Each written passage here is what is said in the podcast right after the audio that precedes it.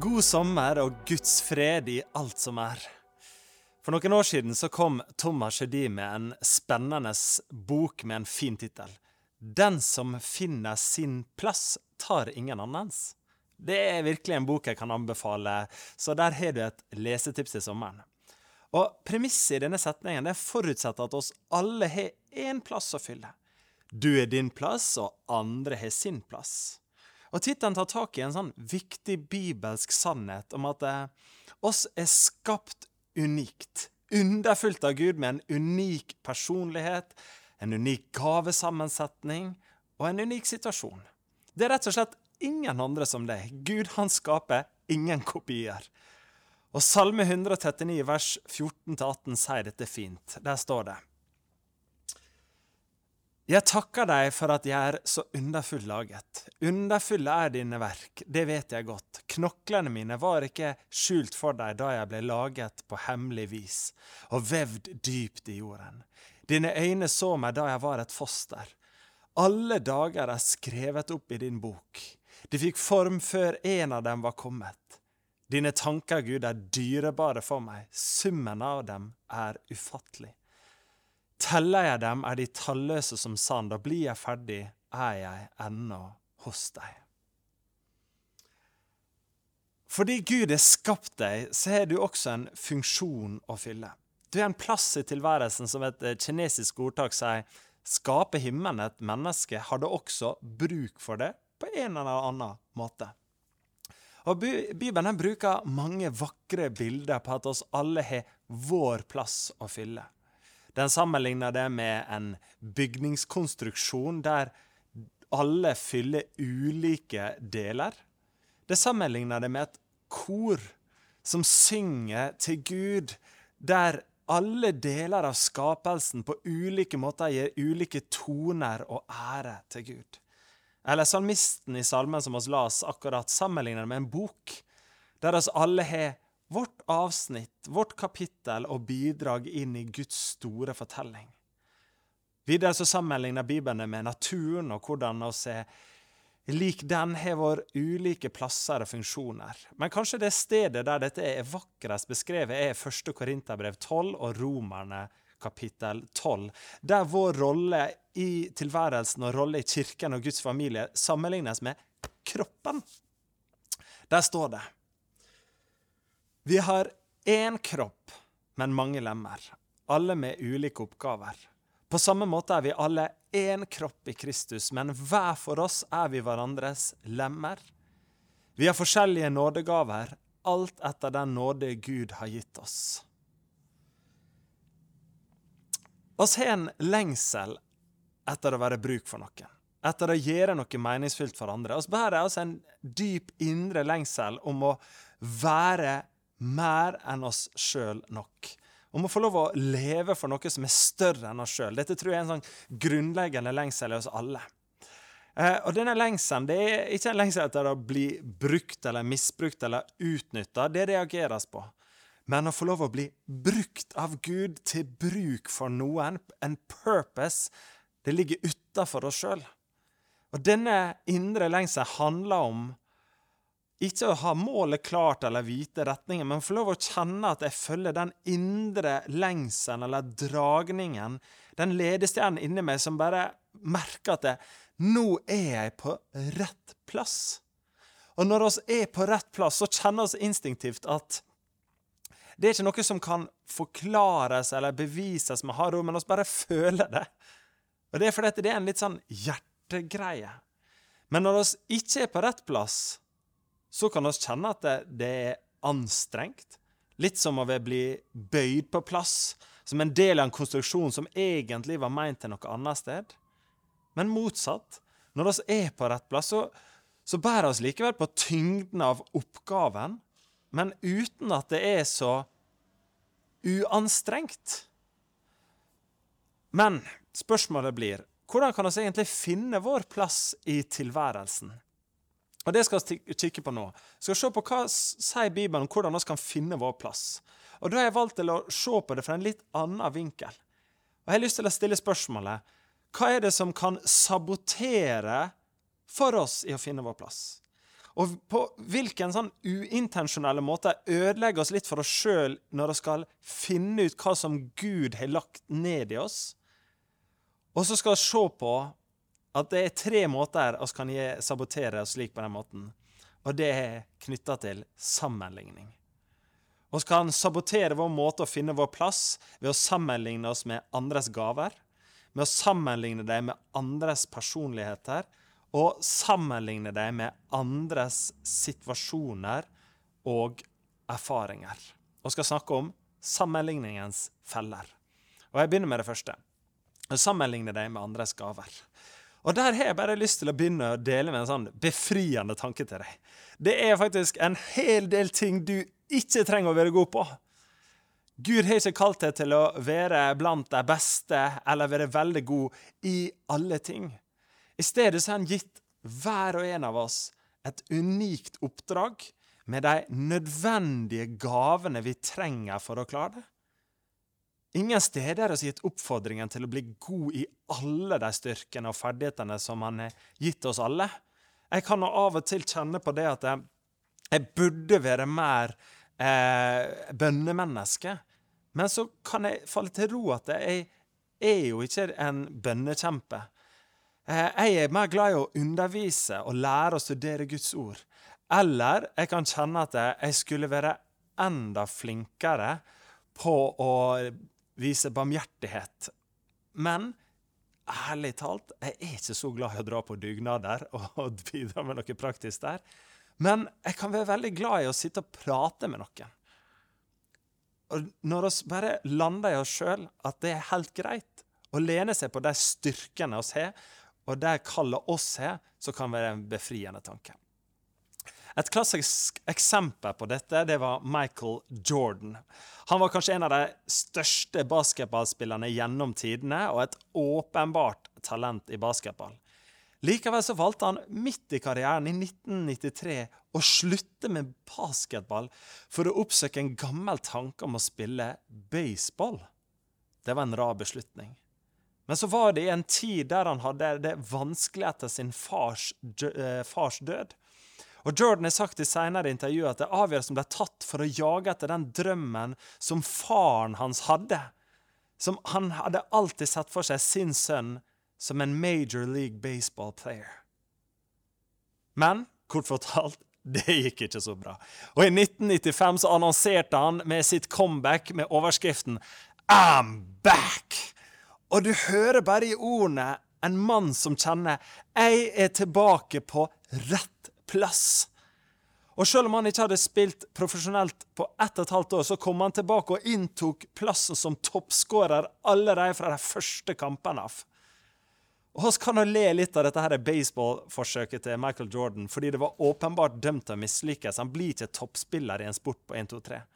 Likevel så er jo det litt slik oss også kan holde på når vi prøver å bli like gode i andres ferdigheter og gaver som de andre kollegene eller lederne eller medstudentene oss ser opp til.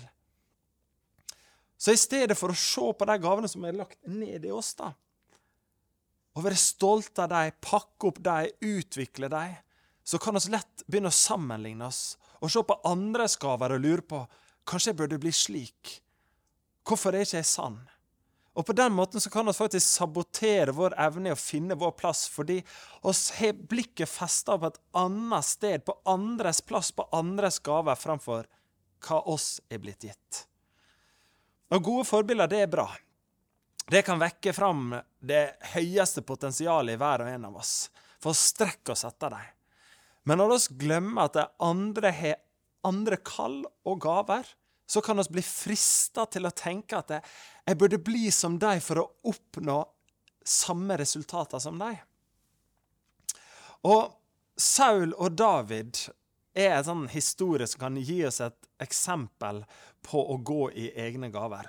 Saul og David var de to første kongene i Israel. og Saul han var den sånn typiske lederskikkelsen med stor suksess, stor kar. David han var ung og så var han mye mindre atletisk. Og når David da skulle møte de store krigerne, den største av dem, Goliat, én til én, så gir Saul David et råd og sin rustning. Vi leser sammen. David bandt Saulus sverd utenpå klærne og forsøkte å gå, men forgjeves. For han hadde aldri prøvd det før. Han sa, Jeg greier ikke å gå med dette på meg, sa han til Saul. Jeg er ikke vant til det. Så la han det av seg, og i stedet tok han staven sin i hånden og valgte seg ut fem glatte steiner fra elveleiet og puttet dem i gjeteresken som han bar over skulderen. Slyngen hadde han i hånden, så gikk han fram mot filisteren Goliat. Selv om Saul hadde stor suksess med sin måte å gjøre det på, så visste David at han er ikke Saul. Og Dersom han skulle prøve å kopiere Saul, så ville han mislykkes. Han måtte gå i sin egen rustning, ikke andres. Derfor la han Saul sin rustning fra seg. Og Det var en smart avgjørelse, for han vant over Goliat. Kanskje må du også legge fra deg andre sin rustning. Kanskje må du anerkjenne overfor deg sjøl du, jeg klarer ikke å, å, prøve å gjøre det på andre sine måter. Jeg, klarer, jeg, må, jeg må legge fra meg dette. Kanskje må du ta en bestemmelse som sier jeg går for det jeg kan. Jeg Jeg går for det jeg er utstyrt med. Jeg tror at det vil være en smart avgjørelse for deg også. Men det betyr jo ikke at du skal slutte å utvikle deg eller lære av andre. Det betyr bare at det, du må jobbe mot å bli en bedre versjon av deg sjøl, og ikke prøve å bli noen andre. For målet er jo å være fri til å være den Gud har skapt deg til å være. Den andre sammenligningsfella er å sammenligne deg med andres personligheter. Um, jeg har ikke om du har hørt denne setningen her. Du er verdifull akkurat som du er. Du er skapt vakkert og unikt av Gud. Ord vi har hørt flere ganger, uten at det kanskje helt synker inn. Julia Roberts, som i Pretty Woman spiller den prostituerte kvinnen Vivian, er en karakter som har mista troen på seg sjøl. Hun sier det godt når hun får servert gode ord fra den snille businessmannen Edward. Hun sier The bad stuff is easier to believe. You ever notice that? De vanskelige tingene er lettere å tro på. Har du lagt merke til det? Og I filmen så begynner hun likevel etter hvert å tro på de gode ordene fra denne forretningsmannen, og personligheten hennes blomstrer fram. Og Årsaken er at ordene kommer fra en troverdig kilde. Edward er en person som fremstår som en som veit hva han snakker om, og en som genuint bryr seg. Og min påstand er at kanskje ikke disse her floskete ord om at du er verdifull, ikke helt går inn fordi du ikke har forstått hvem som snakker til deg. Det er noe som heter mestringsteori. Og I mestringsteori så snakker han om ulike årsaker til mestringsfølelse, og at graden av positiv selvtillit er avgjørende for hva vi tør å gjøre. Oversatt til vårt tema er vi utrygge på oss sjøl, så vil ikke oss tørre å vise fram nye eller mindre brukte sider av vår personlighet til andre. Og det har vi erfart. I noen rom så tør oss å slå oss ut, mens i andre rom så holder oss litt igjen. Og En viktig faktor som kan bidra til at vi blir mer trygge på å vise hele vår personlighet, er gode ord og oppmuntrende ord. Eller, som de kaller det på fint, verbal overbevisning.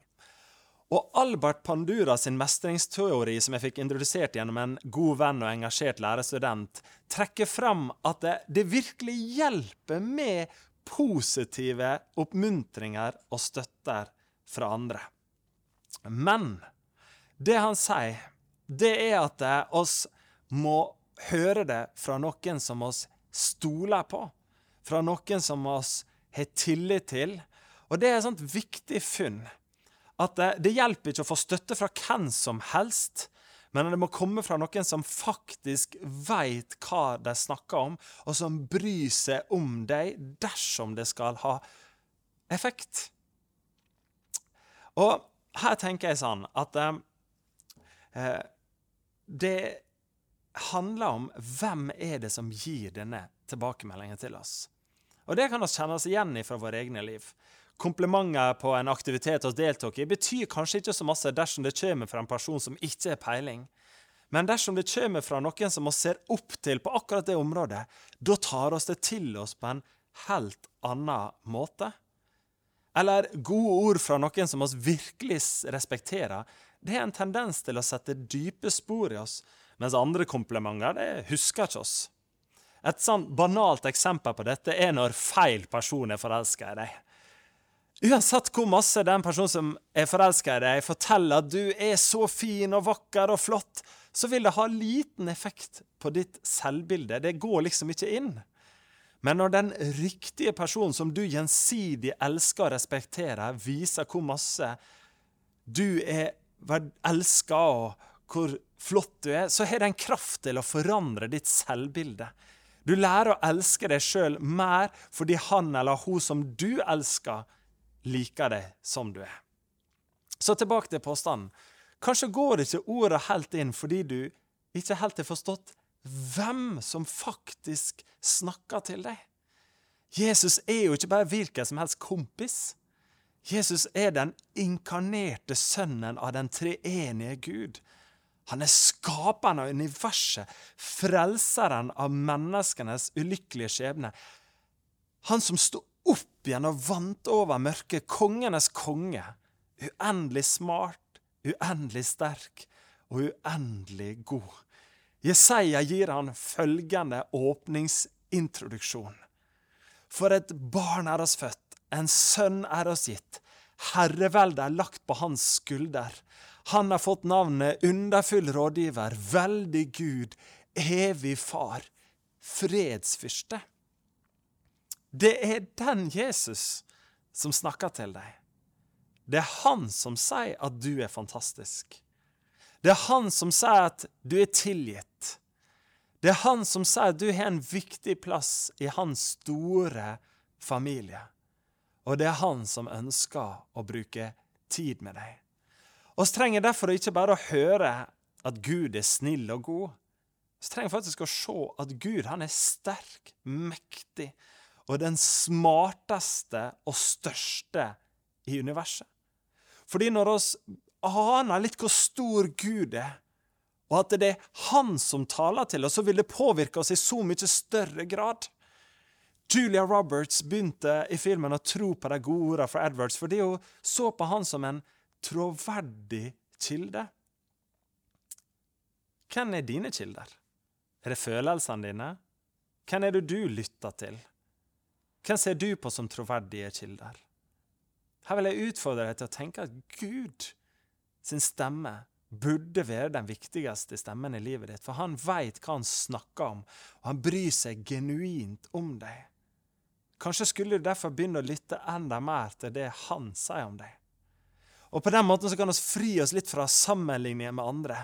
Da blir det ikke så viktig hva andre tenker, eller hvordan andre er. Vi kan få lov å få en sånn større hvile, fordi den viktigste stemmen i vårt liv mener at vi er bra. Og da kan vi våge å tro det sjøl også. Og Bønnen min er at du da skal få lov å blomstre og bli trygg til å vise frem enda flere sider av deg. Være mer humor. Vise og by på deg sjøl. Den siste fellen er å sammenligne deg med andres situasjoner og erfaringer. Det siste jeg vil spørre deg, er følgende spørsmål. Hvem er det du løper mot? Og hvor har du festa blikket ditt? Løper du i ditt eget tempo? Eller konkurrerer du med sidemannen din? Holder du din egen løpebane, eller sammenligner du deg sjøl med andres progresjon? Den siste teksten jeg har lyst til å trekke fram, er Galatane 6, 2-5 fra oversettelsen En levende bok. Der står det følgende. Støtt andre på de områdene der de er svake, for da lyder dere den kjærlighetslov som Kristus har gitt oss. Den som innbiller seg at han er bedre enn andre, til tross for at han selv har masse svakheter, han lurer bare seg selv. Hver og en må tenke gjennom sine egne handlinger og ikke sammenligne seg selv med andre. Vær ikke stolte over dere selv bare fordi de andre har kanskje et hakk verre. Hver og en er ansvarlig for sine egne handlinger overfor Gud. Bibelen gir oss her noen advarsler om å ikke sammenligne oss. La meg tillate også å legge til noen advarsler om sammenligning med spesielt fokus på sosiale medier. Du vet det at Når du får et sånn nytt verktøy, så er det ofte en eh, håndbok der det første sidene står hva er risikoene og farene ved det verktøyet. Og mange av oss er ikke så flinke til å lese det, men du får ofte forklart i klartekst hva som kan gå galt dersom du bruker verktøyet feil. Og sann brosjyre om sammenligning burde alle få når de skulle bruke sosiale medier. Det burde blitt utdelt til alle som får en telefon. Og her kommer vi med noen som jeg ville skrevet. Da ville jeg skrevet når du bruker sosiale medier, husk disse risikoene. 1. Du sammenligner din innside med andres utside. Vi sammenligner vår hverdag med andres høydepunkter. Vi sammenligner vår prosess med andres resultat. Vi sammenligner oss med andres behov og deres lengsler istedenfor våre behov og lengsler.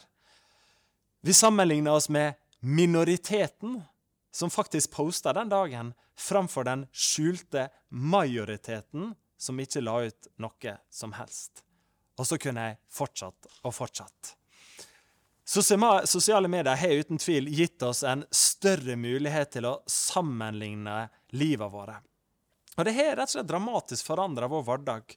Og En av de store utfordringene som jeg vil påpeke, er at vi som oftest ikke ser andres hverdag, men de andre sine høydepunkter.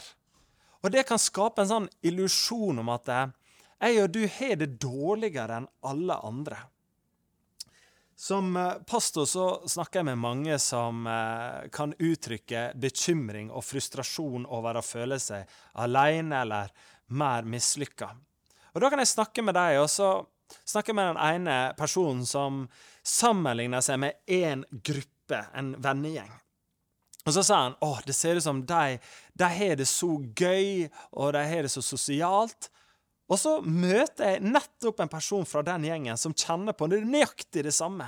Og jeg skulle ønske jeg var i den gjengen, for de også ser ut som de har det gøy og sosialt. Og så sammenligner jeg med andre igjen. Skjønner du problemet? Vi kan bli så forbaska forvirra av å sitte der med Potekum på fanget alene i sofaen mens vi sjekker andres utstillingsvindu. Derfor må du løpe din egen løpebane. Du må slutte å sammenligne deg med andre på en negativ måte, der oss plasserer deg på en randstige av hvem som er vakrest og sprekest, smartest, rikest, mest populær, mest dyktig i jobben eller aktiviteten eller har størst kapasitet og er sterk. Nei, negativ sammenligning det distanseres fra andre med å se på det som skiller oss. Det er det vi gjør når vi sammenligner oss. An. Og da blir sammenligningen uansett dårlig. For enten så vil du føle deg bedre enn andre, eller så vil du føle deg dårligere enn andre. Med andre ord, enten så blir du stolt, eller så blir du mismodig. Det er en dårlig type sammenligning. I stedet så trenger vi å sammenligne oss i positiv forstand. Ved å tenke over våre felles menneskelighet, som denne teksten her oppmuntrer oss til. Kom oss alle så at oss er i samme bås. At oss kjenner på de samme utfordringene. At oss delte med hverandre vår kamp i å prøve å finne vår plass i tilværelsen. At oss heller støtter og heier på hverandre til å være oss sjøl. At oss deler våre svakheter og fikk sammenligne oss på en positiv måte. Ah, bare du også med disse utfordringene. Det skaper noe annet. Det skaper en følelse av å stå sammen. Og Her tenker jeg at Kirken, oss som fellesskap, trenger å være et forbilde i samfunnet. Kanskje kunne oss da i større grad glede oss over hverandres framgang fordi vi så hele livet? Så hvem løper du mot? Bibelen oppmuntrer oss til å ikke løpe mot noen andre. For det nytter ikke å prøve å løpe i andres tempo eller følge deres løpebane. Du har ikke peiling på hvor de er løpet, hva som er deres oppgaver, og hva som er deres gaver. Kanskje har du egentlig kommet ganske langt fram i forhold til der du starta, og hvor langt i forhold til hvor langt du er meint til å løpe. For det som kan se ut som at du ligger dårlig an i forhold til andre, kan være at Gud tenker at du er kommet faktisk ganske langt i forhold til hvor du er kalt til å gå, og i forhold til hva som er dine gaver og din nåde. Bibelen den oppmuntrer oss til å heller prøve å løpe i eget tempo, i vår egen løpebane. Så la oss ikke havne i denne fellen der å sammenligne oss med andres gaver, med andres personligheter og med andres situasjon. Vi ber. Herre, hjelp oss å i dag lytte til hva er våre lengsler og gaver som du har lagt ned i oss. Hjelp oss til å omfavne vår personlighet og gi oss et mot til å slippe oss helt fri. Og gi oss også fred til å vandre den veien du har lagt for oss, slik at oss ikke blir rastløse og usikre og gå inn på andre stier enn det du hadde tenkt. Det ber oss om i Jesu navn. Gud velsigne deg. Du har nå hørt en podkast fra Filadelfia-kirken i Oslo. Vil du vite mer om oss, gå inn på filadelfia.no. Og ikke minst velkommen til å feire gudstjenester med oss hver eneste søndag, enten fysisk eller online.